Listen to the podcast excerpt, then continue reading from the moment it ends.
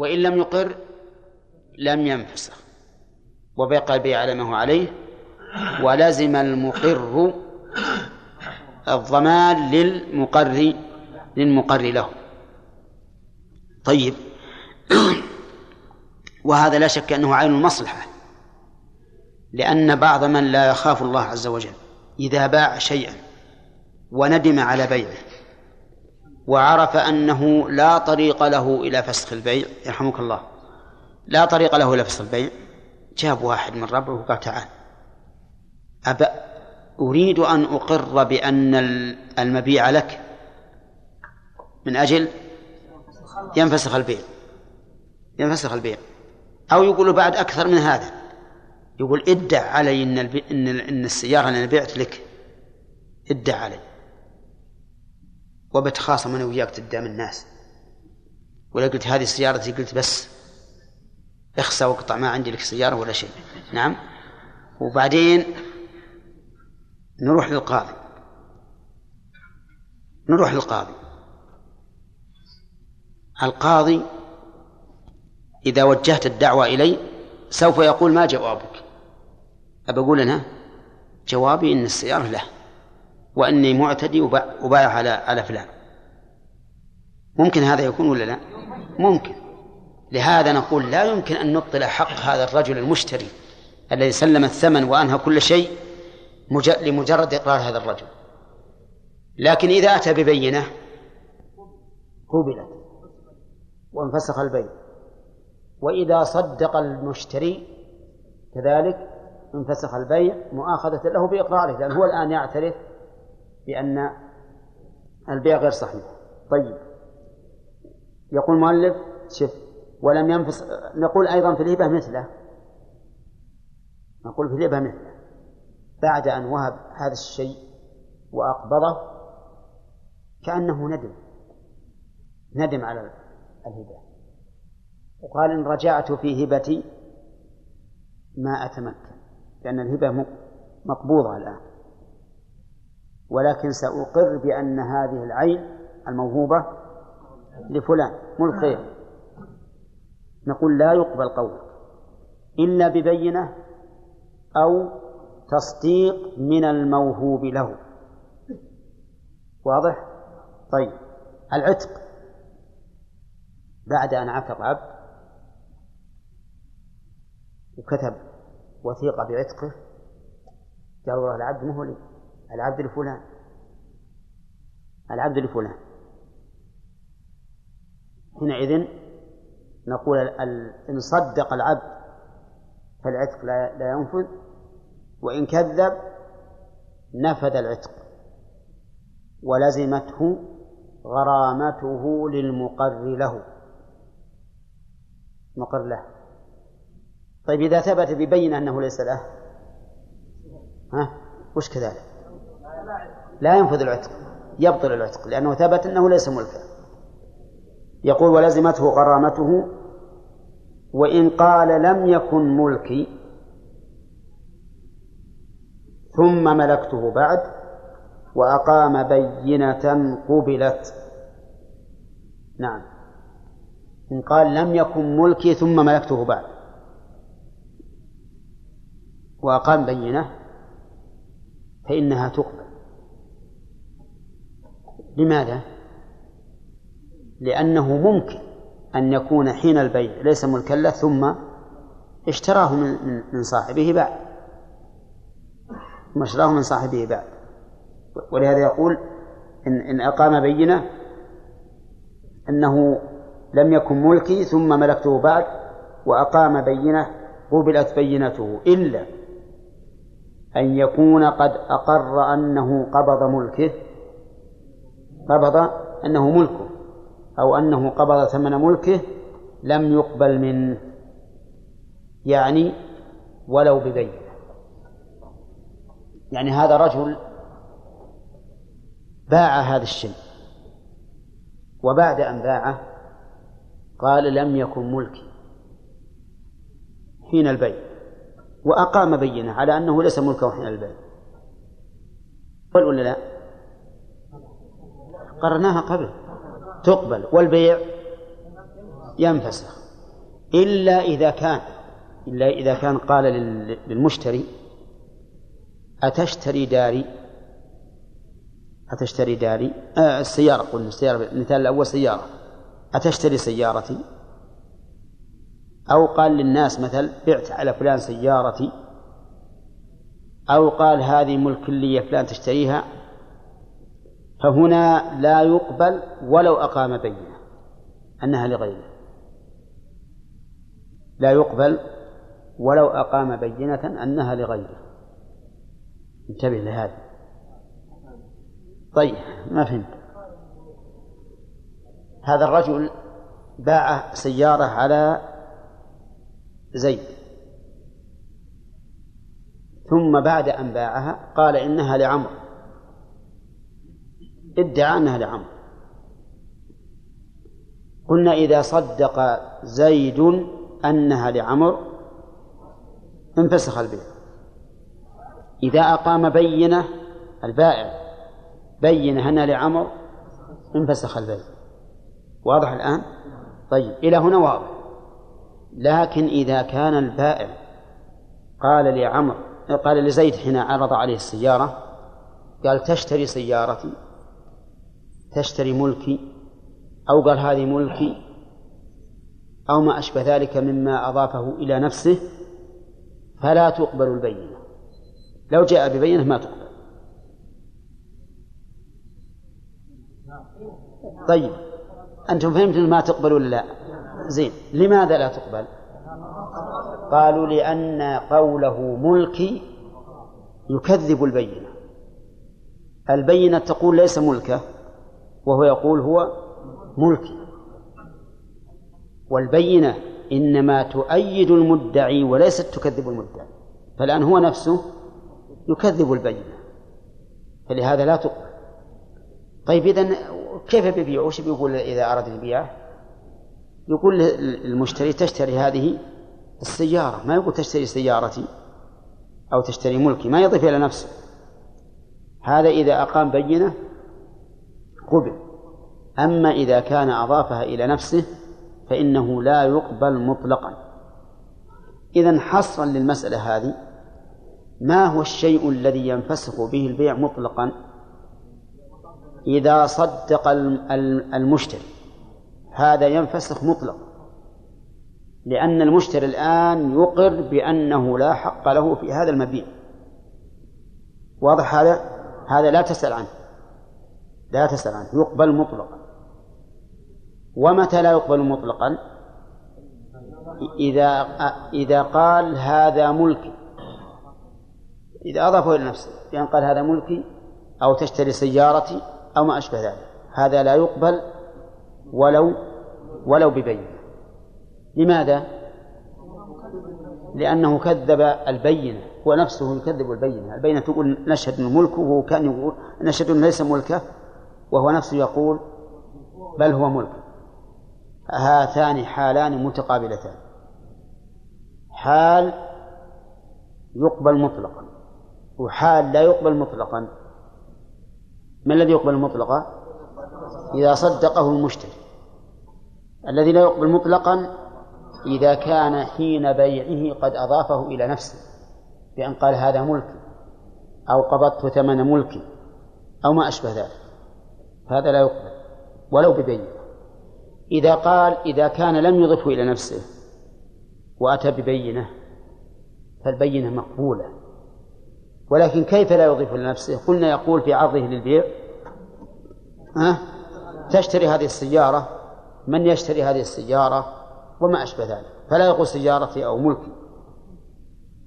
فحينئذ إذا ادعى أنها ملك غيره فإن أقام بينة قبلت وانفسخ البيع وإن لم يقم بينة لم يقبل قوله ولم ينفسخ البيع لكن بقينا بالمقر له. المقر له يلزمه يلزمه له غرامة هذا الشيء الذي باع غرامة الشيء. لأنه لأنه فوته عليه. طيب لكن هنا مشكلة الآن. لو قال المقر له يكذب هي لي يلزم البيع. أي نعم. هذه يلزم البيع. إلا إذا إذا قال ليست ليست لي المدعي اللي باع قال ما هي لي ولا قال لفلان هذه عادي. كيف؟ نعم. أظن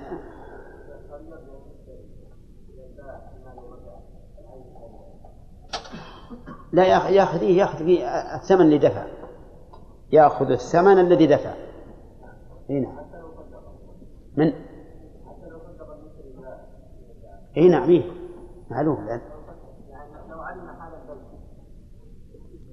لو علم حال البيع عاد يكون يكون ضامن لكل ما يترتب على هذا. لا يرجع بالثمن. لأن لأن البائع ظالم الآن. والثمن ما وصل إلى صاحب السيارة. كلاهما ظالم. نقول ما دام كل منكم ظالم كل واحد يرجع لحقه. رب العالمين والصلاة والسلام على نبينا محمد وعلى آله وأصحابه أجمعين. قال المؤلف رحمه الله تعالى فصل. إذا قال له علي شيء أو كذا قيل له فسر فإن أبى حدث حتى يفسره. فإن فسره بحق شبهة أو أو بأقل مال قبض. أو بأقل. أو بأقل مال قبض. وإن فسره بميتة أو خمر أو كفر جوزة لم يقبل. ويقبل بكلب مباح نفعه أو حد قلب. وإن قال له علي ألف ثم رجع لتفسير جنسه إليه. ها؟ شلون؟ وإن قال له علي ألف رجع في تفسير جنسه إليه. فإن فسره بجنس أو بأجناس قبل منه وإذا قال له علي ما بين درهم درهم فما بين درهم وعشرة لزمه ثمانية وإن قال ما بين درهم إلى عشرة أو من درهم إلى عشرة لزمه تسعة. وإن قال له علي درهم أو دينار لزمه أحدهما ويعينه. وإن قال له علي تمر في جراب أو سكين في قراب أو فصل في قاتل ونحوه فهو مفرد بالأول بسم الله الرحمن الرحيم. الحمد لله رب العالمين والصلاة والسلام على نبينا محمد وعلى آله وأصحابه أجمعين. رجل باع شيئا وقال للمشتري اشتري داري. ثم بعد ذلك قال إنها لفلان. فما الحكم؟ ما الحكم؟ ما في تفصيل؟ أقول ما في تفصيل؟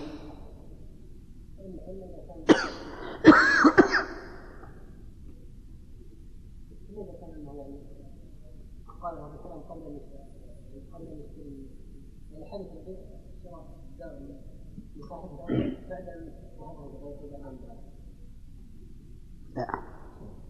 نعم. إن صدقه المقر آه، المشتري؟ صح انفسخ البيع.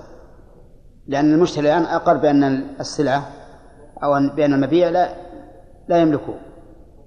هذا واحد. فهد؟ نعم. ابطل السؤال لأن قلت. قال بعت عليك داري. ثم قال قبضت ثمن ملكي. قبضت ثمن ملكي. سئل قال وش الدراهم اللي معك؟ قال هذا ثمن ملكي أو ثمن داري اللي بعت.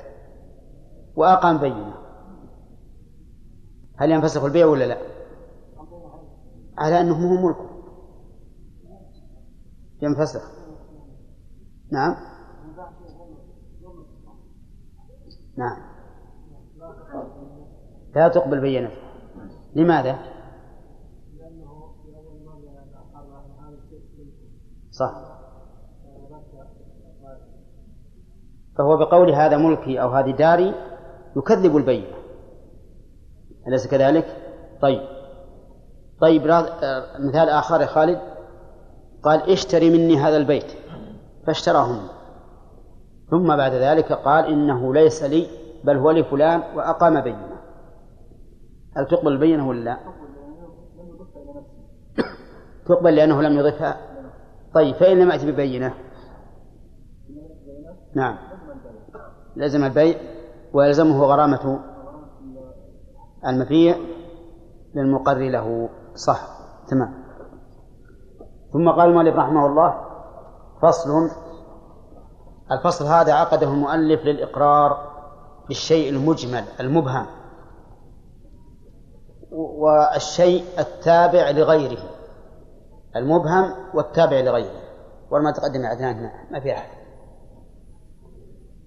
قال إذا قال له علي شيء أو قال له علي كذا له علي شيء كلمة مطلقة. مجملة غير مبينة. ما ندري ما هذا الشيء. قال له علي كذا كلمة كذا أو كذا وكذا. أيضا مجملة غير مبينة. فهنا ثبت إقرار ولم يبين المقر به. فماذا نصنع؟ قال المؤلف قيل له فسره. قيل له لمن؟ للمقر. فسره ما هذا الشيء الذي قلت إن إنه لفلان عليك؟ قال الشيء الذي له علي مئة درهم. يلزمه مئة درهم. قال له علي كذا؟ قيل فسر هذا المبهم.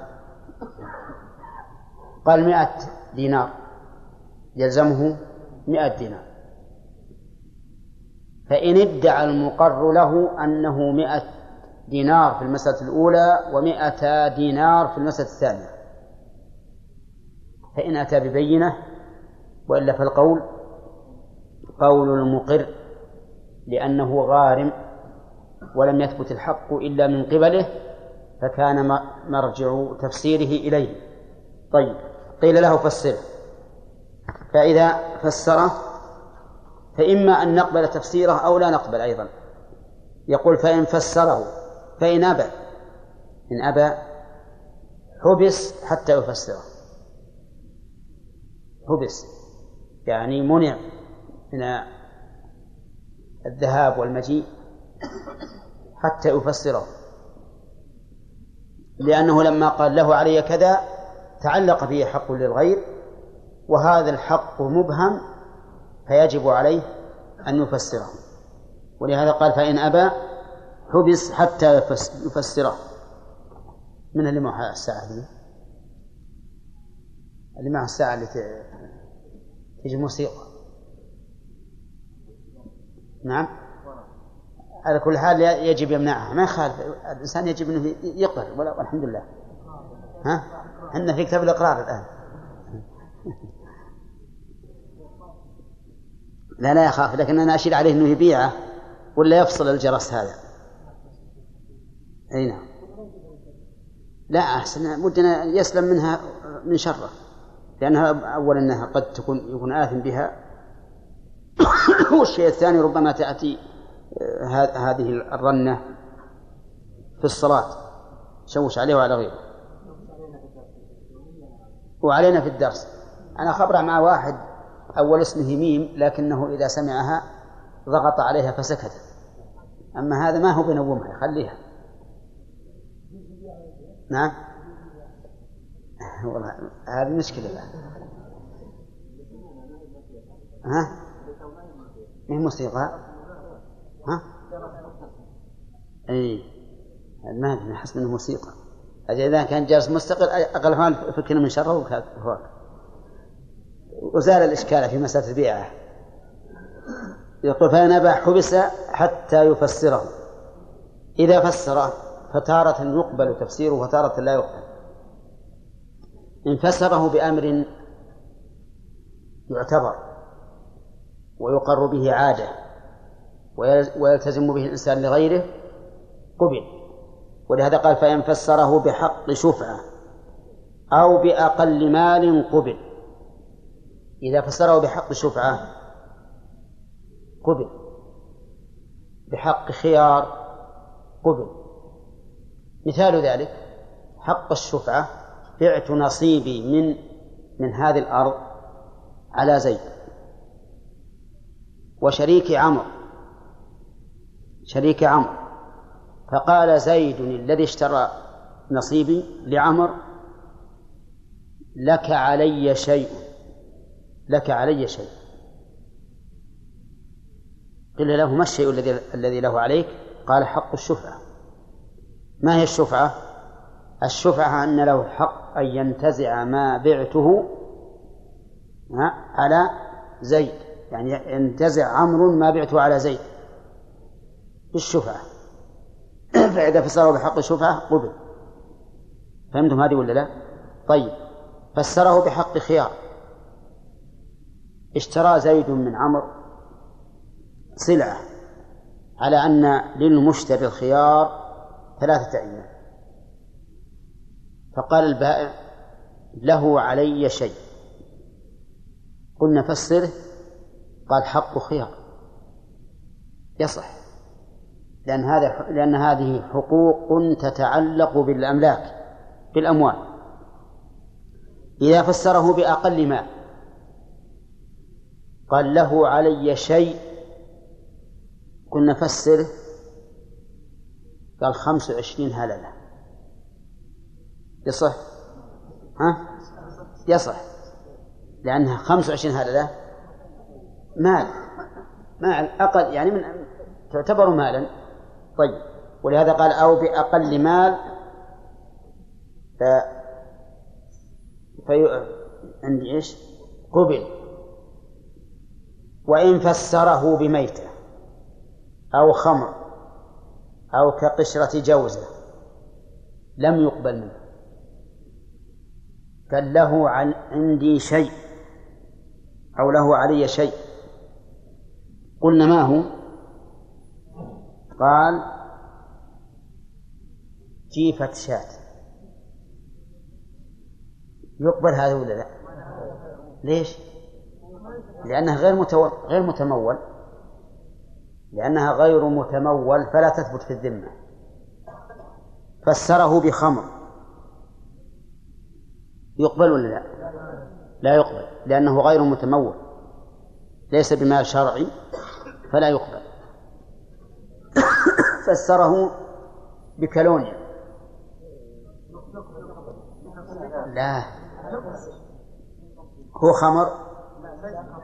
ليس بخمر. ها؟ لا ما علينا منه. يمكن تسأله زوجته ولا ولده ولا أمه ولا أخته. المهم على كل حال هذا لا يعد خمرا. ويعد مالا يباع ويشترى. فيقبل. قال أو كقشرة جوزة. الجوز معروف؟ طيب. قال عندي له شيء. ما هذا الشيء؟ قال قشر جوزة هذا لا يقبل. ليش؟ لأنه غير متمول. غير متمول. قال عندي له شيء. فقيل ما هو؟ فقال حبة ذرة. حبة ذرة. يقبل؟ ما يقبل. ليش؟ لأنه غير متمول. مع أنه بالإمكان أنه يبذر الحبة هذه وتأتي بسبع سنابل في كل سنبلة مائة حبة. نعم. لكن نقول هذه ما جرت العادة بأن الإنسان يلتزم لغيره بمثلها. طيب تمرة. الظاهر أن هذه يرجع فيها للحال الواقعة فمثلا إذا كنا في زمن مجاعة نسأل الله السلامة فالتمرة لا شك أنها شيء. وكم أنقذت من من من عاطب وهالك أما إذا كان في زمن رخاء فإنها ليست بشيء.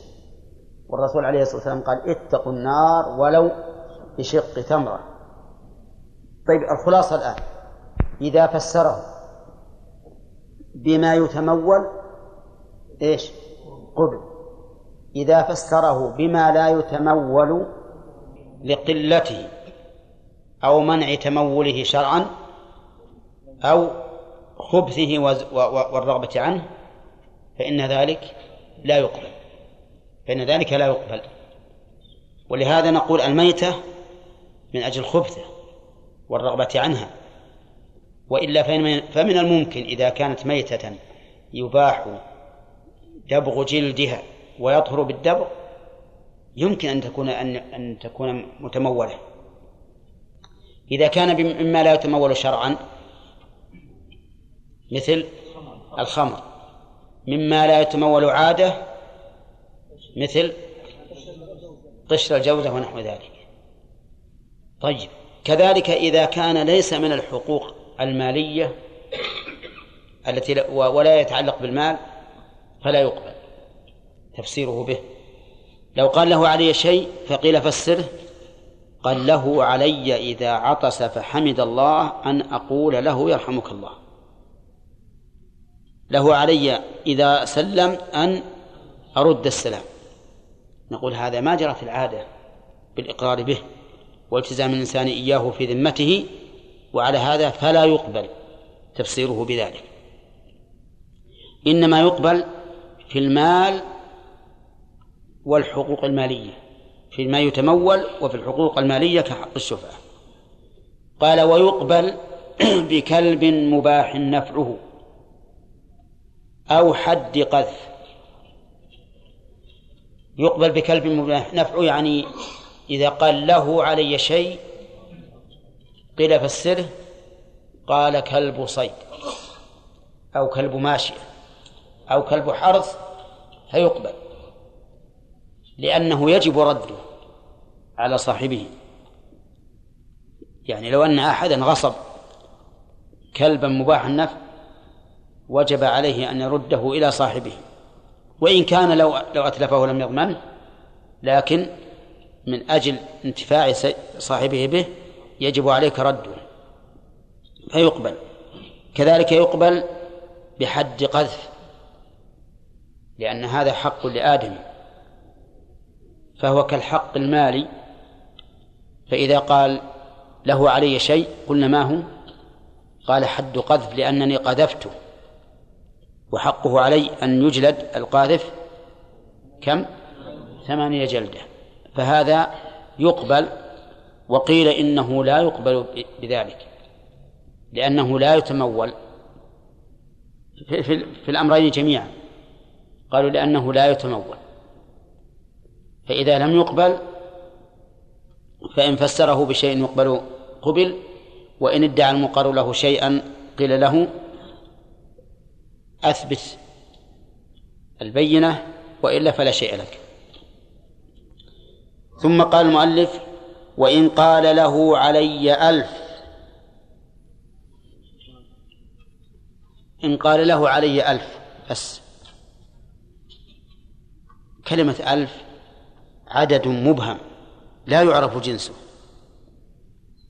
نقول فسرها أيضا. إي نعم نقول فسر. ألف درهم ألف دينار ألف ثوب ما ندري. نرجع في تفسيره إليه. فإذا فسره بشيء إن فسره بجنس واحد أو بأجناس قبل منه. بجنس بأن قال ألف دينار. هذا جنس واحد.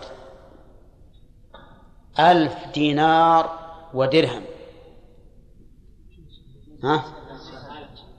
انتبه. إذا قالوا ألف دينار ودرهم. مو جنسين؟ ألف دينار ودرهم. طيب والدرهم؟ ألف. ألف. له عليه ألف. قال ألف دينار ودرهم. الله عليهم جنسين يا أخي. الله أكبر. ألف دينار هذه دينار. لا الدينار ذهب والدرهم فضة. الدينار ذهب ها؟ يعني ثم سكة ذهبية والدرهم فضية. هذا لا شك أنه جنسان. لكن هل نقول يلزمه في هذا المثال ألف دينار وزيادة درهم نعم. أو نقول ألف دينار ودرهم يعني يعني ألف من الدنانير والدراهم. الظاهر الأول الظاهر الأول ألف دينار ودرهم. لكن لو قال ألف دنانير ودراهم. ها؟ هذا حينئذ يلزمه من الجنسين ما لا يزيد على الألف. ولكن نقول ألف دنانير ودراهم إذا لم يبين النسبة فهما أنصافا يعني مناصفة. فيلزمه خمسمائة دينار وخمسمائة وخمسمائة درهم. طيب ومثل أيضا ألف ألف قمص وسراويل. مثلها؟ طيب ألف قميص وسروال. كالأولى يعني يلزمها القميص زائدا السروال. ولهذا قال إن فسره ما في أسئلة الآن. إن فسره بجنس أو أجناس قبل منه. يقول وإن قال له علي ما بين درهم وعشرة لزمه ثمانية. سبحان الله. له علي ما بين درهم وعشرة يلزمه ثمانية؟ نعم. لأن الذي بين الواحد والعشرة ثمانية. أليس كذلك؟ واحد أسقطه وعشرة أسقطها يبقى ثمانية. فيلزمه ثمانية ما بين درهم وعشرة. طيب وإذا قال ما بين درهم إلى عشرة ومن درهم إلى عشرة لزمه تسعة. هاتان صورتان. ما بين درهم إلى عشرة. هذه صورة الثانية من درهم إلى عشرة. يلزمه تسعة. يلزمه تسعة. الصورة الثانية الأمر فيها ظاهر. لأنه ذكر ابتداء الغاية وانتهاءها. وابتداء الغاية داخل لا انتهاؤها. كذا؟ من درهم إلى عشرة. نقول الدرهم داخل والعشرة خارجة. فكم يلزمه؟ يلزمه تسعة. واضح. فإنه إذا اجتمعت ابتداء الغاية وانتهاؤها فإن ابتداءها داخل وانتهاءها غير داخل خارج. لكن ما بين درهم إلى عشرة. هذا مشكل. لأنك إن قلت إن إن انتهاء الغاية خارج. أخرجت العشرة. وما بين البينونة تقتضي أن الطرفين خارج. فإذا قال ما بين درهم إلى عشرة فعلى القاعدة يلزمه ثمانية. وهذا أحد القولين في هذه الصورة أنه إذا قال ما بين درهم إلى عشرة لا يلزمه إلا ثمانية. لأن درهم خرج الأول وعشرة خرجت لأن إلى للغاية وما بعدها غير داخل. عرفت؟ لكن الذين يقولون بأنه يلزمه تسعة يقولون إن ابتداء إن الغاية لا يدخل فيها المغيى إذا ذكر الابتداء. إذا ذكر الابتداء. يعني إذا جاءت من. أما إذا لم يذكر الابتداء فإن المغيى داخل. وعلى هذا نقول ما بين درهم يخرج الدرهم وتدخل العشرة. فيلزمه تسعة. يلزمه تسعة. واستدل بعضهم بأن المرافق داخلة في الغسل. في قوله تعالى وأيديكم إلى المرافق. لأنها لم تذكر من. فلما قال إلى المرافق بدون ذكر ابتداء آية صارت. صار المغيى داخل. نعم. طيب ما هو المغيى صارت الغاية داخلة. صارت الغاية داخلة. وينبغي أن يقال إن مسألة الإقرارات يرجع فيها إلى العرف لا إلى ما ما تقتضيه اللغة. لأن الإقرارات مبنية على ما ما يتعارفه الناس في عاداتهم ونطقهم. وقد سبق لنا في كتاب الأيمان وفي كتاب الوصايا أن العرف مقدم على الحقيقة اللغوية. فإذا كان عرف الناس أنه إذا قال له ما بين درهم إلى عشرة يعني ثمانية نعم فإنه يلزمه ثمانية. وإذا قال ما بين درهم إلى عشرة يعني أني ما أدري. له من الريال إلى عشرة. فهنا ما يلزم لا يلزمه إلا ما عينه المتكلم. هذه تقع كثير. يقول من الريال إلى عشرة يعني ما أتأكد. ما أتأكد. أنا واجب عليه الشيء واجب علي شيء له لكنه من الريال إلى العشرة. يمكن ريال ريالين ثلاثة أربعة خمسة. ستة سبعة ثمانية تسعة أو عشرة. فيرجع في هذا إلى إلى العرف. ولهذا لو أراد مجموع العدد في قوله من درهم إلى عشرة كم يلزمه؟ لا خمس وخمسون. لو أراد مجموع العدد في قوله من درهم إلى عشرة يلزمه خمس وخمسون خمسة وخمسون. يقول واحد واثنين ثلاثة وثلاثة ستة وأربعة عشرة وخمسة لا أحد عشر عشرة وخمسة وش كذي؟ عشرة وخمسة خمسة عشر طيب. خمسة عشر وستة طيب. واحد وعشرين وسبعة ثمان وعشرين. ثمان وعشرين وثمانية طيب. ستة وثلاثين وتسعة خمسة وأربعين. خمسة وخمسون. كيف أنت طيب.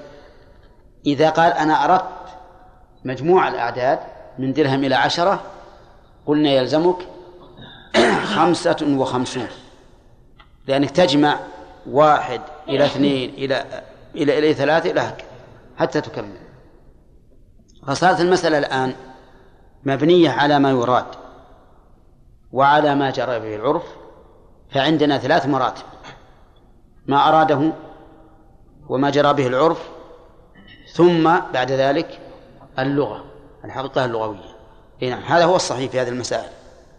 طيب يقول وإن قال وإن قال له علي درهم أو دينار لزمه أحدهما ويعينه لأن أو للشك. فيرجع في التعيين إلى من؟ إلى نفس المقر. فإن أو لم تعين أحد الأمرين. قال له علي درهم أو دينار. مثاله سئل رجل ما الذي يطلبك فلان؟ قال والله ما أدري. إما درهم أو دينار. نقول يرجع في التعيين إلى المقر. إلى المقر. طيب ومن الناحية العملية. لو قال المقر له أنا متأكد أنه دينار. فما هو الوراء في هذا الباب؟ الوراء أن يدفع له دينارا لأنه هو شاك وصاحبه متيقن. لا سيما إذا كان المقر له رجلا صدوقا ثقة وأمينا فإنه يتأكد عليه حينئذ أن يدفع إليه الدينار. وإن قال له علي تمر في جراب أو سكين في قراب أو فص في خاتم فهو مقر بالأول. انتبه لهذا.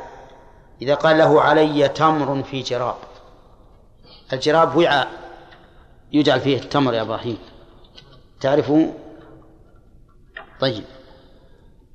قال له علي تمر في جراب. هل هو مقر بالجراب أو بالتمر وحده أو بهما جميعا؟ يقول بالأول بالأول بالتمر. فإذا قال له علي تمر في جراب قلنا ما عليك إلا التمر. ثم عاد عين التمر كثير أو قليل لماذا؟ لأنه كثيرا ما تجري العادة بأن يأتي الإنسان بتمر من شخص. يسرقه أو يأخذه خطأ أو ما أشبه ذلك ويضعه في جراب عنده. هو مالكه. هذا يقع كثيرا. طيب هذه واحدة. السكين في قراب. سكين في قراب. وش يلزمه؟ السكين فقط. أما الجراب القراب لا. لماذا؟ لأنه ربما يأخذ سكين شخص خطأ أو سرقة أو غصبا ثم يضعها في قراب عنده وهذا كثير فهو لا يقر إلا بالأول بخلاف ما لو قال سيف في قراب سيف في قراب فإنه مقر بهما جميعا. والفرق أن القراب ملازم للسيف غالبا أو دائما. لا تجد لا تجد سيفا صلتا. لكن السكين ها؟ غالب إيش؟ أن في غير قراب. لا الغالب في غير قراب. كل سكاكين إحنا ما عندنا ولا واحدة من السكاكين فيها قراب. نعم ولا حقة اللحم. أبدا ولا الضحايا ولا الهدايا. المهم أن الفرق بينهما أنه إذا قال سيف في قراب فإن العادة أن السيف ملازم له. لكن السكين الغالب غير ملازمة مثل ما لو قال سكين في كرتون. يدخل الكرتون ولا لا؟ لا يدخل. لا يدخل. سكين في دولاب. طبعا ما يدخل الدولاب إذن هناك فرق بين الملازم وغير الملازم. طيب يقول المؤلف أو فص في خاتم ونحوه. فص في خاتم مقر بالأول. مقر بالأول. وشو؟ الفص. والخاتم؟ الخاتم غير مقر غير مقر به. لأنه ربما يسرق فصا ها ويضعه في خاتمه. وهذا وهذا كثير. طيب ولأن الفص تابع للخاتم ولا عكس. طيب لو قال خاتم في فص طيب ممكن نجعل فيه بمعنى مع بمعنى مع فيلزمه فص خاتم ذو فص. نعم. ولا صحيح أن الخاتم ما بيكون في جوف فص بل بالعكس. طيب إذا قال إذا قال خاتم فيه فص. أه؟ يلزمه الأمران؟ أي نعم. طيب فهو مقر بالأول. وإلى هنا انتهى الكلام.